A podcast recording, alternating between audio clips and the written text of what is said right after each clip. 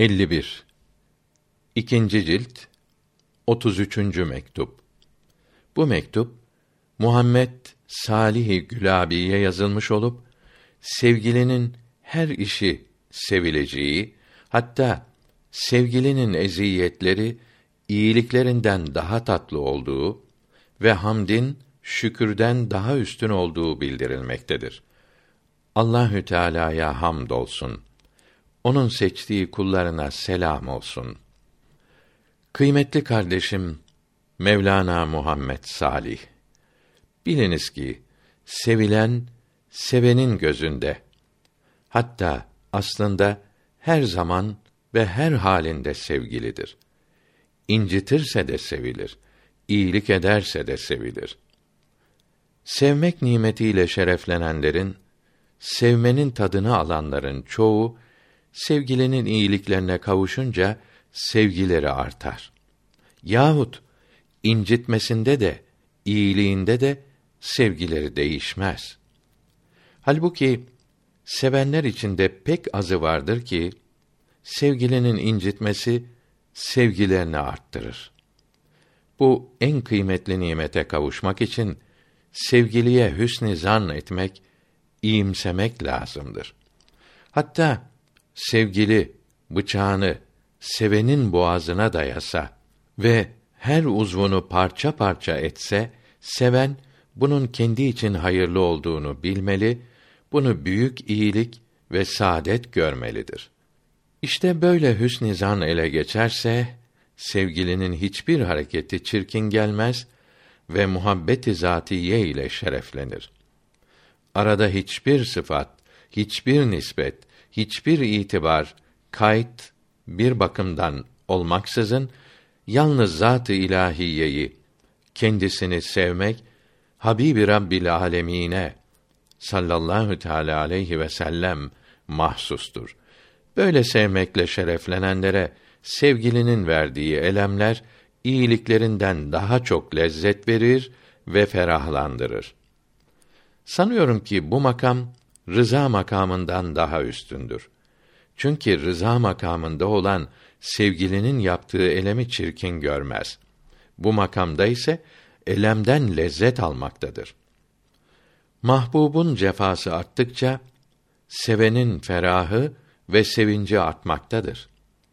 Bu ikisi birbirine benzer mi?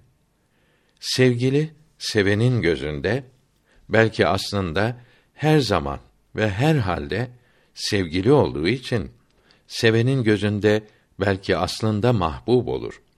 Her zaman ve her hareketinde methedilir, hamdolunur. Seven onun elemini de nimetini de hep met eder. Bunun için sadık olan aşıkların Elhamdülillahi Rabbil Alemin ala külli hal demeleri doğru olur. Sıkıntılı ve neşeli zamanlarında hep hamd eden hamitlerden olur. Hamd etmenin şükretmekten daha kıymetli olmasının sebebi belki de budur. Çünkü şükretmekte sevgilinin nimetleri göz önündedir ki sıfatlarından hatta işlerinden meydana gelmektedir. Hamd ederken ise sevgilinin hüsn-i cemali yani kendisi göz önündedir. Yani zatı da, sıfatları da, işleri de, nimetleri de, elem vermesi de hep sevilmekte, met olunmaktadır. Çünkü Allahü Teala'nın verdiği elemler nimetleri gibi güzeldir. Görülüyor ki hamd sena etmenin, övmenin en üstün şeklidir ve hüsn-i cemali en toplu olarak göstermektedir. Sevinç halinde de, sıkıntı halinde de hamd edilmektedir. Şükr ise nimet zamanlarında olup devamlı değildir. Nimet kalmayınca, ihsan bitince şükür de kalmaz. Sual Bazı mektuplarda rıza derecesinin sevmekten ve sevgi derecesinden üstün olduğunu bildirmiştiniz. Şimdi ise sevmek makamının rıza derecesinden üstün olduğunu söylüyorsunuz. Bu iki söz arasını bulmak nasıl olur? Cevap Şimdi bildirdiğimiz muhabbet makamı o mektuplarda yazmış olduğumuz muhabbet makamından başkadır. O sevgide az da olsa, çok da olsa başka bağlılıklar ve görüşler de vardır. O sevgiye de her ne kadar muhabbet-i zatiye diyorlar ve yalnız kendisini sevmektir biliyorlar ise de yalnız zata kendine sevgi değildir. Çünkü o sevgi makamında bulunan bağlılıklardan başka şeyleri de görmekten kurtulamıyor. Bu makamda ise hiçbir bağlılık, hiçbir başka görüş yoktur. Bazı mektuplarda rıza makamının üstünde ancak peygamberlerin sonuncusuna aleyhi ve aleyhim ve ala ali külliniz salatu ve selam yol vardır. Başka kimse buradan ileri geçemez demiştik. Her şeyin doğrusunu, özünü Allahü Sübhanehu bilir. Şunu bilmelidir ki herhangi bir şeyin zahire, nefse, bedene çirkin gelmesi batının kalbin beğenmemesi demek olmaz. Görünüşte acı olması hakikatte tatlı olmasına mani olmaz. Çünkü olgun olan bir arifin şeklini, görünüşünü herkes gibi bırakmışlardır. İnsanlık sıfatlarını ondan almamışlardır. Böylece onun kemalini başkalarının gözünden örtmüşlerdir. Dünyanın tecrübe, imtihan yeri olmasını sağlamışlardır. Doğru yolda olan ile yoldan çıkan birbirine karışmakta, benzemektedir. Kamil olan arifin görünüşü ve şekli yanında içi ve özü tıpkı bir insanın üzerindeki elbisesine bağlılığı gibidir. İnsanın kıymeti yanında elbisenin ne kıymeti vardır? Onun suretinin hakikati yanındaki kıymeti de böyledir. Cahiller Arif'in suretini daha gibi görür. Kendi hakikatsiz, özsüz suretleri, görünüşleri gibi sanır. Bunun için bu büyükleri inkar eder, inanmazlar. Bunlardan istifade edemez, mahrum kalırlar. Allahü Teala doğru yolda gidenlere ve Muhammed Mustafa'nın sallallahu aleyhi ve sellem izine yapışanlara selamet versin. Amin. Yukarıdaki mektup Vehhabilere tam bir cevap vermektedir. Fethül Mecid adındaki Vehhabi kitabının birçok yerinde mesela 503. sayfasında diyor ki: Peygamberden hatta her diriden istişfa etmek yani dua istemek caizdir. Ölüye de dua edilir. Fakat ölüden dua istemek yasak edilmiştir. Allahü Teala işitemeyenden ve cevap vermeyenden istemek şirk olur buyurdu. Ölüler ve uzakta olanlar işitmezler ve cevap vermezler. Eshabtan ve alimlerden hiçbiri peygamberlerin aleyhimüsselavatü ve teslimat kabrine gelip bir şey istemediler diyor. Bu sözlerin yanlış ve iftira olduğu ikinci kısmın 17. maddesinde Vehhabilik nedir bahsinde uzun yazılıdır.